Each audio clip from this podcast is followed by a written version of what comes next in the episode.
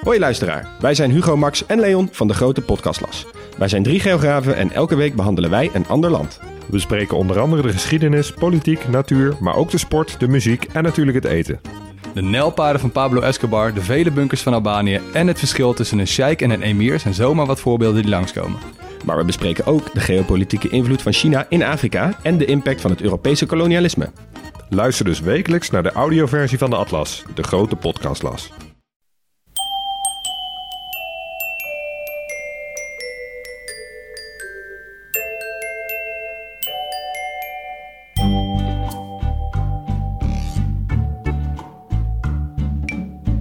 Welkom bij aflevering 364 van Echt Gebeurd. De podcast waarin mensen hun eigen waargebeurde verhalen vertellen. Maar waarin ook af en toe iemand voorleest uit het dagboek dat hij of zij bijhield als puber. In deze aflevering een puberdagboek uit de jaren 50 van de vorige eeuw. Voorgelezen door Hilly Pelle.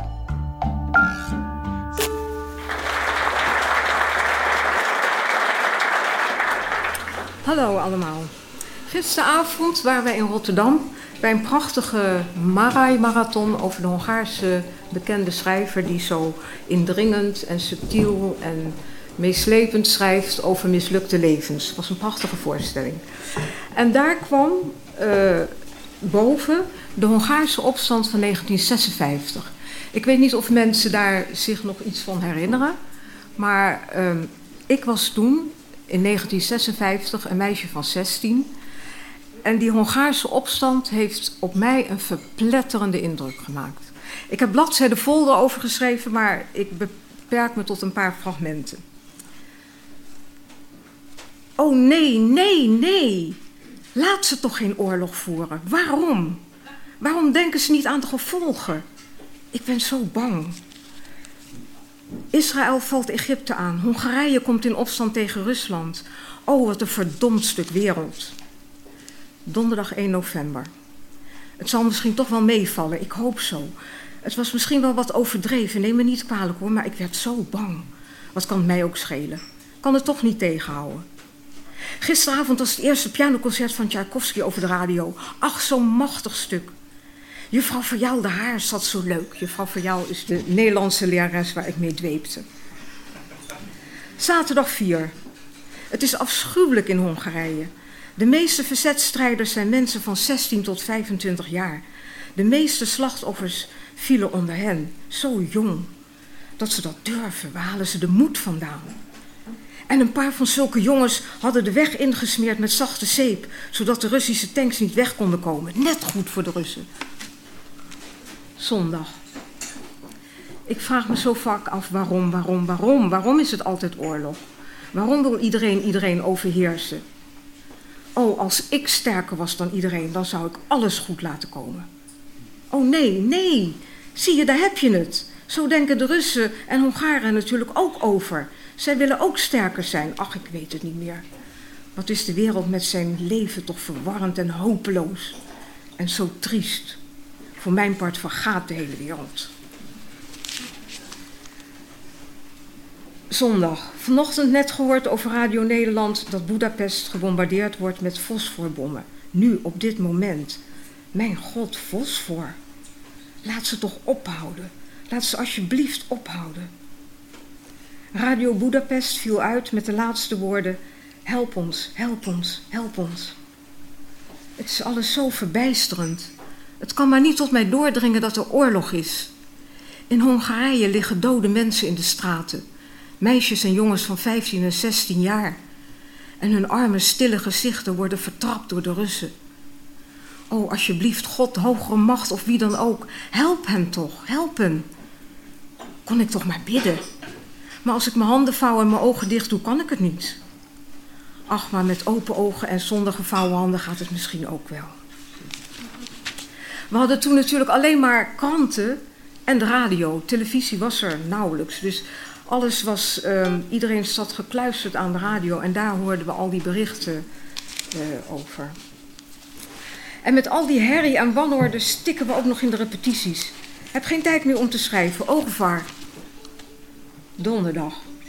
Heel Nederland herdacht Hongarije. Drie minuten stilte. Wij ook. op school in de gymzaal. Het was erg plechtig. Die doodse stilte opeens. En er waren een paar lui die lachten. Eerst werd ik toch zo woest toen ik het hoorde. Maar later dacht ik dat het misschien zenuwen waren. Ze kunnen het toch niet expres doen? Maar als zouden het zenuwen zijn, dan nog zou ik mijn lip desnoods kapot bijten, maar op dit ogenblik zou ik niet willen lachen. Verder vond ik het eigenlijk vrij nutteloos. Helpen wij daarmee Hongarije? Op het ogenblik zijn de Russen Hongarije aan het uithongeren. Er zijn veel relletjes hier geweest met die Russische ambassade en zo. En dit moet ik even vertellen. In de bus, dat moet ik even tussendoor. Wij fietsten altijd naar school met z'n allen, maar als er iets was, toestanden, dan gingen we met de bus. Ruzie thuis of ruzie op school of vriendjes uh, die aan en uit gingen. Want in de bus kon je makkelijker kletsen dan op de fiets. En natuurlijk Hongarije, dat was zo indrukwekkend. We gingen alsmaar met de bus om maar te praten over wat er allemaal daar gebeurde. Dan moet ik ook nog even zeggen, ik heb een Indische achtergrond, dus, dus ik lees precies hoe het hier staat. Dus er zullen wat Indische dingen tussen zitten. In de bus zat een vrouw die het eens was met de Russen. Ardoe, ze lieten de bus stoppen en ze zetten het hele mens vierkant uit. Enig was ook een stopwoord. Op het ogenblik logeert bij ons de moeder van Umbert uit Nieuw-Guinea. Dat mens, dat is heus waar, jitterbugte nog op haar zeventigste jaar. Ze rookt nu uit sigarettenpijpjes, is erg Indisch, kwartje is kwartje, geluk is geluk. En ze kan leuk vertellen. We moeten allemaal erg om haar lachen. Ze is nu 77 en ze heeft 16 kinderen gehad, waarvan twee paar tweelingen.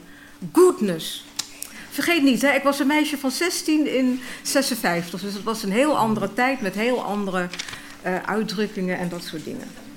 Goed, we gaan terug naar school.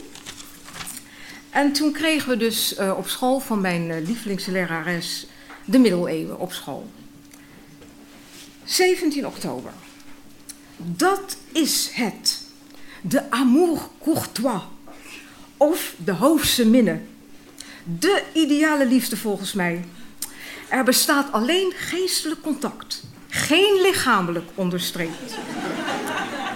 Men houdt geestelijk van elkaar, geestelijke genegenheid. Als je alleen uit hoofdse minnen kon trouwen, deed ik het.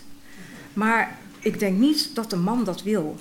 Jammer, een heleboel uitroeptekens. En dan, um, even kijken hoor een vriendin van mij op school die zei: Weet je, Hilly, jij bent een echte mannenhaatster. Dat zei ze tegen mij. Misschien heeft ze wel gelijk, want ik haat trouwen. Ik zou niet kunnen. Ik was 16, hè? 56. Ik zou niet kunnen met een man in nachtkleren samen in één bed te liggen. Ik denk dat ik dan zou gillen omdat ik zou denken dat ik stikte. En het ergste wat je gebeuren kan, lijkt me om kinderen te krijgen. Rens, mijn andere vriendin, zei dat ik nog te jong daarvoor was. Ze zei dat het mooi is. Oh, maar ik vind het ook mooi. Dat wil zeggen, ik vind het wonderlijk mooi. Zo kunstig. Maar als je kind ongelukkig ter wereld zou komen, of achterlijk of zo, dat zou ik beslist nooit kunnen verdragen. En het opvoeden zou ik nooit, nooit kunnen. Zo erg moeilijk lijkt me dat. Ik wou maar dat ik over alles anders dacht. Gewoon, net als Rens en Toos. Zij willen wel trouwen en zo. Maar ik, ik kan dat niet. En ik wil zo graag zo goed denken. Ik weet het niet. En dan een belangrijk moment in mijn 16-jarige eh, leven. Zaterdagavond plus minus twee uur bed. Ik moet schrijven, al val ik zo wat om van de slaap. Ik weet het niet meer. Je snapt er natuurlijk niks van. We kwamen om half vijf, afgepeigerd en gloeierig van het strand. Toen oom Hannes, een broer van mijn eerste vader, die ook op mijn verjaardagsvuif was, het heette toen altijd vuifjes. En hij nodigde Toos mij uit om dezelfde avond op zijn vuif te komen, ter ere van de verjaardag van Etty zijn vrouw. We mochten vriendjes meenemen. Enfin, Karel en Sjaak gingen mee. Sjaak kende ik toen heel oppervlakkig. Was wel een grappige, humoristische jongen. Het was heerlijk, meesterlijk. In het begin ging het een beetje stroef, omdat we allemaal uh, elkaar nog niet goed kenden. Maar er was een Indische jongen, die jivede fantastisch. Ik heb drie keer met hem gedanst. En met Karel ook veel gedanst. Met Sjaak niet zoveel, want die kon niet goed dansen. Maar die liet iedereen lachen door zijn droge, oergeestige gezegdes. Nou, en toen kwam het. Het zalige hoofdletter. Het opwindende hoofdletter. Toos ging bij Karel op schoot zitten in een stil hoekje. Eigenlijk onbehoorlijk wel. En toen pakte Sjaak mij en plotseling zat ik op zijn schoot. Enfin, in het begin durfden we niet zo goed en we waren een beetje stijf. Maar toen voelde ik opeens zijn gezicht in mijn haar. Ik bleef doodstil zitten omdat ik dat ogenblik niet wilde verbreken. En toen voelde ik heel eventjes, heel licht, zijn mond tegen mijn hals. En dat herhaalde zich een paar keer. Ik leunde tegen hem aan en ik voelde zijn hart kloppen. Oh, doe het, klinkt dat idioot, maar ik hoorde het echt. Trouwens, mijn hart zat beurtelings in mijn keel en in mijn buik. En ik vond het fijn, uitroeptekens. Genoot gewoon weg. En toch schaamde ik me wel een beetje hoor, want ik vind dat je eigenlijk niet in gezelschap zo hoort te zitten, al was het dan in een stil hoekje. Nou, maar nou komt het. Karel bracht Toos naar huis en Sjaak mij. Ik moest mijn fiets naar de schuur brengen en ik wist echt niet wat ik, wat ik moest doen. Moest ik groeten en alleen gaan of, of zou die mee willen? Gelukkig pakte Sjaak de fiets en de sleutels en Karel bleef wachten. Fiets in de schuur. Wij liepen omarmd en toen opeens vroeg Sjaak: Hou je van me? En hij drukte me helemaal tegen zich aan. Maar hij gaf me geen zoen hoor. Ik wist even niet wat te zeggen. En zei toen: uh, Ja, wel een beetje geloof ik. Ik geloof wel dat het nogal dom klonk. En voor de deur drukte hij me weer tegen zich aan en hij zei: Denk er nog maar eens over na.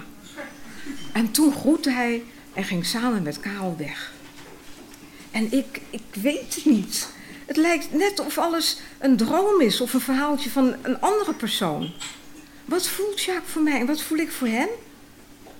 Misschien was hij wel een beetje onder de invloed van de wijn die we daar gedronken hebben. Ik weet alleen dat ik hem wel graag mag. Het is allemaal zo verwarrend. De volgende avond. Ik voel me zo gelukkig, zo stralend. Ik verlang naar Jacques. Ik wil dat hij weer, me weer tegen zich aandrukt en zijn gezicht in mijn haar stopt. Oh, doe mijn hart. Doek, doek, doek. Nou, dat was dus het begin. En um, toen kwam er nog een heel belangrijk moment in dat uh, naïeve leven van een uh, meisje van 16. Zondag, 25 augustus, omkringeld. Oh, oh, oh, uitroeptekens. Het was zo fantastisch heerlijk. En hij houdt van me. Deze dag is een van de belangrijkste van mijn leven. Vandaag om plus minus vijf uur, weet niet meer precies de tijd, ben ik voor het eerst helemaal echt gekust. Niet zomaar op je wang of zo, maar echt. Eerst wist ik niet wat er gebeurde. Maar toen merkte ik opeens dat zijn mond op de mijne was. En ik weet niet wat ik toen voelde. Het was van alles en nog wat, maar het was idioot verrukkelijk. Oei, mijn eerste kus. Oh, ik heb het natuurlijk over Sjaak. Goed, het ging toen de hele tijd goed en uh, steeds beter. En ondertussen was ik 18. Nee, nog niet. Ik was nog niet 18. Maar met kerstmis gebeurde er weer iets. En dat was echt vreselijk. Dat was zo indrukwekkend. Kerstmis 1957. Toen had je dus nog ook kerstbomen alleen maar met echte kaarsjes. Hè? Was, dat was toen zo. Zo tevreden voelde ik me met de kaarsvlammetjes in onze ogen en zijn arm om me heen. Totdat hij plotseling opstond en me in de deur met zijn ogen riep. Ik ging en in mijn kamer trok hij me op schoot en zweeg en keek ernstig. In mij bonkt het opeens van angst. Wat is er? Ik vind het beter voor ons beiden dat ik hier niet meer kom tot je examen achter de rug is. En dat is pas in juni. Eerst voelde ik niets, dacht ook niets, drong niet tot me door. Waarom kon ik hem alleen maar aankijken, sprakeloos? Waarom deed ik niets toen hij mijn hoofd tegen zich aandrukte en mijn haar streelde? Maar waarom? Ik begrijp niet waarom. Ik wilde het hard en vlak zeggen, maar ik hoorde mijn eigen stem nauwelijks. Ten eerste voor je studieel stilte. Zo lang dat ik moest zeggen. En wat nog meer? Je bent te jong, Heel. Weer stilte, ook in mij. Maar daarna wilde gedachten. Maar niet te jong om omhelst en gekust te worden. En niet te jong om dicht tegen mij aan op de bank te zitten. Niet te jong om in de gang lang afscheid te nemen. Niet te jong om me nu weer te kussen. Als ik het maar had kunnen zeggen. Maar ik kon alleen maar knikken op zijn vraag of ik het wilde begrijpen. Kort daarop ging hij naar huis en ik naar bed. Had nauwelijks de deur van mijn kamer dicht gedaan toen die weer open ging en mama binnenkwam. Het bleek dat Sjaak ook met haar en met oom Pam had gepraat. Zij was het die me heeft doen inzien wat dit besluit betekent. Sjaak denkt heus niet aan zichzelf, zei ze. Maar hij wil dat je je MMS haalt. En hij heeft begrepen dat het daarvoor beter is dat hij voorlopig niet komt. Hij heeft gelijk. Het is immers zo. Tegen het eind van de week kan ik me niet meer volledig concentreren. Ga fantaseren over het weekend. En verder vindt hij me erg lief, al dus mama, maar nog zo kind. Oh ja, uitroeptekens. Zo overbekend klonk dat. Dat kleintje, zo kinderlijk en naïef in al haar doen en laten. Oh, heel, wat ben je toch eigenlijk nog een baby. Ik moet altijd zo lachen als jij voor de klas staat en je hebt niets geleerd. Die gezichten van jou. Ik geniet ervan. De beschermende toon van de leraressen als ik iets buitengewoon goed had gedaan. Ja, ja, laat dat kleintje maar schuiven. Het antwoord dat je krijgt als je je leeftijd laat raden. 13, 14? Oh nee, mevrouw, al 17. Nee, werkelijk? Hoe is het mogelijk? Enzovoort.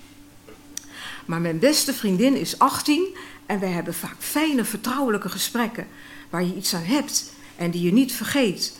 En dan komen haar gedachten zo vaak overeen met de mijne. En van haar heb ik nog nooit horen zeggen dat ze mij kinderlijk of naïef vindt. Soms lijkt het net, s'avonds in bed, soms lijkt het net of er niets gebeurd is. Sjaak heeft bij ons gegeten en ik had buikpijn van alle zenuwen totdat hij kwam. Toen was het over. En toch is het anders tussen ons dan daarvoor. Waarom is het zo moeilijk om te zeggen wat je gedachten zijn? Duizendmaal zeg ik tegen mezelf: wat is er eenvoudiger om gewoon na te zeggen wat in je hoofd opkomt? Ik scheld mezelf uit voor laf en kinderachtig. Heeft Sjaak dan toch gelijk? Maar ik hoor steeds maar zijn stem: zal je van me blijven houden? En als iemand dat vraagt, dan wil dat toch zeggen: alles toch? Maar hoe zal het verder gaan? Dat was het puberdagboek van Hilly Pelle. Hilly is inmiddels 82 en zo vertelde ze onze redacteur Tom aan de telefoon. Ze is dol op literatuur en op wandelen. Met Sjaak uit het dagboek was ze ruim 50 jaar getrouwd toen ze in mei 2010 alweer bij ons kwam voorlezen. En hij zat toen in de zaal. Maar acht jaar geleden is hij overleden en Hilly mist hem nog altijd vreselijk. Heb jij ook een dagboek uit je puberjaren waaruit je durft voor te lezen tijdens een echt gebeurtmiddag? Geef je dan op via het formulier op www.echtgebeurd.net. En we zoeken ook vertellers met mooie waargebeurde verhalen over de thema's het kantoor en leugens voor onze eerste verhalenmiddagen na de vakantie. Heb je geen verhaal, maar wel een beetje geld over? Overweeg dan eens om vriend van de show te worden. Dat kan al voor 2,50 euro per maand en daarmee steun je Echt Gebeurd in zijn voortbestaan. Meer informatie vind je op www.vriendvandeshow.nl streep Echt. De redactie van Echt Gebeurd bestaat uit Micha Wertheim, Bijke Aarts, Renette Kwakkenbos, Tom van Rooyen en mijzelf, Paulien Cornelissen. Onze productieleider is Hanna Ebbingen. De zaaltechnicus voor deze aflevering was Nicolaas Vrijman en onze podcast wordt gemaakt door Gijsbert van der Wal. Dit was aflevering 364. Tot volgende week en goodness, vergeet niet om lekker te jitterbuggen.